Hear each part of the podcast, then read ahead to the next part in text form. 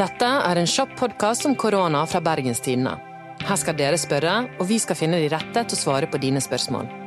I dag er det tirsdag 17. mars. Mitt navn er Anna Magnus. Hva er det folk lurer på i dag, kollega og produsent Henrik Svanvik?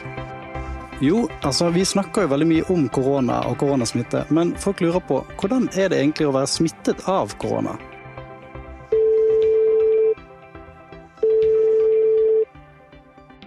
Hei, Anna fra Bergens Tidende. Hei sann. Du, Bent Kjærstad, du jobber jo som eh, utenriksreporter i TV 2 og var i Hongkong og dekket eh, koronavirusutbruddet der. Og Så kom du hjem, og hva skjedde da? Først og fremst så er det viktig for meg å understreke at uh, det er over en måned siden jeg var i Hongkong, så det er ikke derfra jeg har fått noe smitte. Men da jeg kom hjem, så har jeg nå hatt en del fritid. Men jeg har samtidig vært bevisst på at uh, dette er en smitte som på et eller annet eh, vis eh, ville ramme oss her hjemme også. Uh, men jeg hadde jo aldri sett for meg at uh, det skulle bli så heftig som det har blitt nå. Men jeg har vært egentlig påpasselig og tenkt på at man må være ekstra forsiktig med håndhygiene i de tidene som har vært etter at jeg kom hjem. Og jeg har vært bevisst på at det er den måten jeg kan eh, beskytte de som har vært eh, nært meg. Jeg har vært eh, mindre sosial enn hva jeg pleier å være. Men allikevel så er jeg en av de som da har klart å få smitten. Og det forteller meg det at den har vært blant oss en stund og smittet uh, tilfeldig eh, en stund. Og det håper jeg at andre også innser. Det er veldig mange som er nysgjerrig på, på symptomene på koronasmitte. Kan du ta oss helt tilbake da du begynte å føle deg dårlig?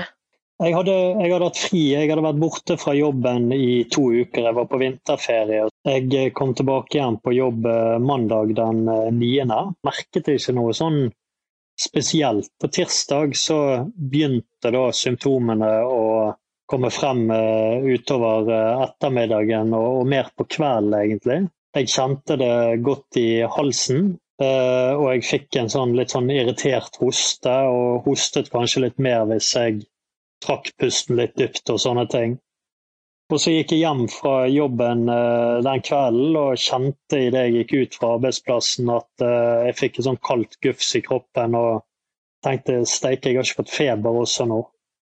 Og så tok jeg feberen uh, tirsdag kveld. Det viste seg at jeg hadde 38,5. Dagen etter våknet jeg med 39,5 i feber, muskelsmerter, og det kjentes veldig ut som en influensa. Eh, det vedvarte frem til fredag. Da våknet jeg feberfri.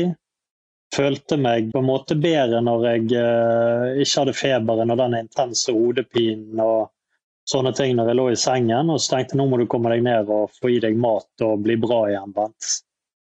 Og så kom jeg ned på kjøkkenet og skulle lage meg mat, og så var det bare sånn at jeg hadde ikke krefter. Jeg hadde ikke krefter til å lage meg eh, mat, måtte bare sette meg ned. Kjente det at kroppen var rett og slett sliten, det var ikke noe energi. Og kjente etter hvert at uh, her bruker kroppen all energi på å slåss mot viruset, og har ikke noe annet å, å bruke krefter på. Sånn gikk det gjennom helgen. På lørdag da uh, skjønte jeg at jeg ikke bare sliten etter en influensa. Dette må, det, må være korona, for jeg har ikke kjent på noe lignende før. Og søndagen fikk jeg da bekreftelsen på det. Ennå så eh, er den følelsen av utmattelse eh, til stede. Nå er det mange eksperter som sier at eh, koronaviruset er ikke farlig om du ikke er i en risikogruppe. Men har du noen gang vært bekymret mens du har vært syk? Eh, jeg har vært bekymret når jeg da innså at jeg eh, hadde korona, om dette skulle bli verre. Og, og at hvis jeg ikke tok signalene på alvor, at jeg, jeg begynte å bli eh, for aktiv, så kunne det bidra til at eh, viruset rett og slett tok overhånd og spredte seg til, til lungene og sånne ting. Men det har ikke vært en sånn sterk bekymring som har gjort meg redd eller noen sånne ting. Det har egentlig bare vært mer en fornuftig eh, bekymring.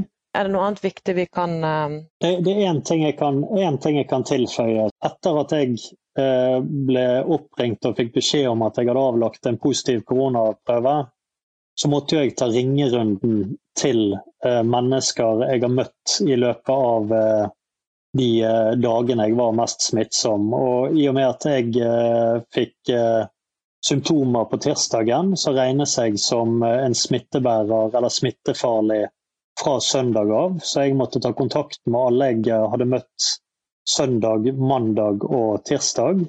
Søndag var jeg eh, ganske eh, isolert eh, og hadde lite kontakt med mennesker. Så det var ikke så mange da. Men det var ganske overraskende egentlig, når jeg tenker tilbake igjen på mandagen, så var det en rolig dag. Men det var ganske overraskende når jeg først begynte å liste opp personer eh, om hvor mange jeg hadde vært i kontakt med eh, innenfor de kriteriene som, som gir en smittefare. Og det var en ganske kjedelig runde å ta og måtte ringe til mennesker og fortelle dem at eh, jeg kunne ha utsatt dem uh, for uh, smitte. Og det er ikke bare kollegaer, det er butikker jeg har vært innom, det er mennesker jeg har hatt interaksjon med i butikker og lignende. Folk har tatt det på en veldig fin måte når jeg har ringt dem og egentlig vært takknemlig for at de har fått vite. Men den brede ringerunden jeg har tatt, det forteller jo også om hvor mange steder man fort er innom i løpet av en sånn tid som dette, og hvor mange steder man faktisk potensielt sett kan bli utsatt for uh, denne smitten. Så det er viktig å ta de tiltakene man kan ta før man går på butikken, før man uh, går på bussen og uh, eventuelt tar taxier og sånne ting som så det. For alle disse stedene er potensielt sett et sted der jeg kan ha fått smitten fra. Du Bent, riktig god bedring. Jo, takk for det. Og jeg må si det at det går langt bedre med meg nå, og forhåpentligvis så er jeg frisk som en fisk uh, om relativt kort tid. Det er veldig godt å høre. Tusen takk for at du tok deg tid. Ingen problem. Ha det bra. Ha det godt. Vi er tilbake i måneden med et nytt spørsmål. Følg med på BT sin løpende koronadekning på bt.no. Mitt navn er Anna Magnus, og produsent var Henrik Svanevik. Lurer du på noe, send meg en e-post på anna.magnus.bt.no.